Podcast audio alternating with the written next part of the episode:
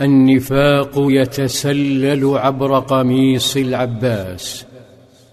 رأى الأنصار ما يجري من فداء للأسرى فتوهج كرمهم وطلبوا إعفاء كبير بني هاشم وعم رسول الله صلى الله عليه وسلم من دفع الفدية.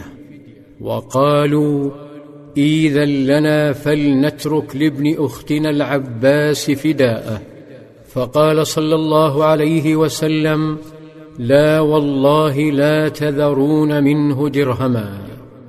تم دفع فدية العباس الذي كان ممزق القميص بعد الحرب.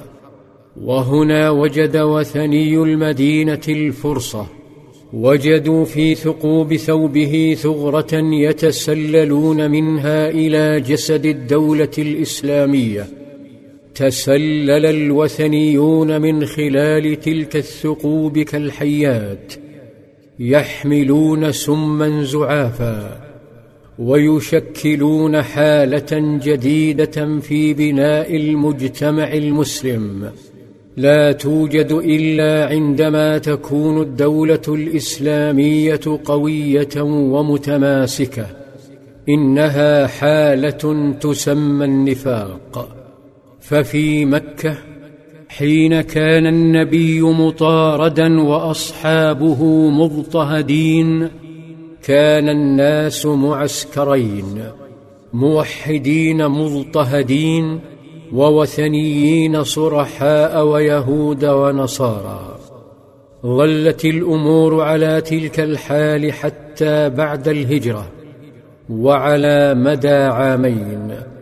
ولكن بعد غزوة بدر صدم وثني المدينة وهم يرون أبطال الإسلام يبيدون طغاة مكة ويسوقون سبعين منهم مع مئات الإبل.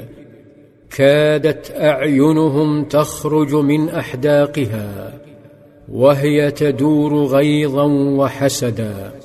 أدركوا بعدها أن هذا النبي صلى الله عليه وسلم سيحكم المدينة شاءوا أم أبوا.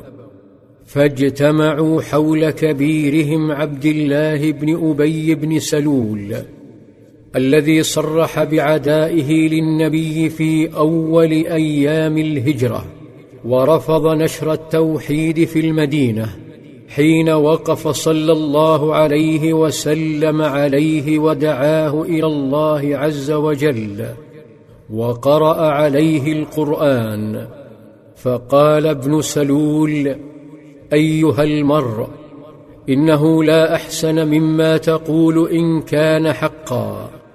فلا تؤذنا به في مجالسنا. ارجع إلى رحلك فمن جاءك فاقصص عليه. أما اليوم فالأمر مختلف.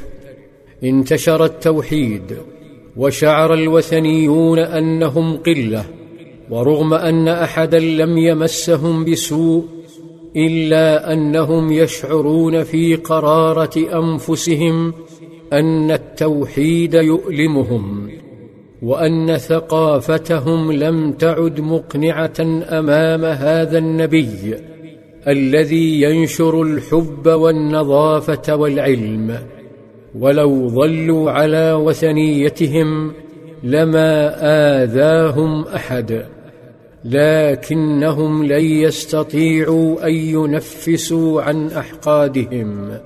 لا بد من فعل شيء يمكنهم من خرق السفينة والكيد للدولة الإسلامية. اجتمعوا. فأخبرهم ابن سلول بخطته. وقبل تنفيذها قام بإهداء العباس قميصا بدلا من قميصه الممزق.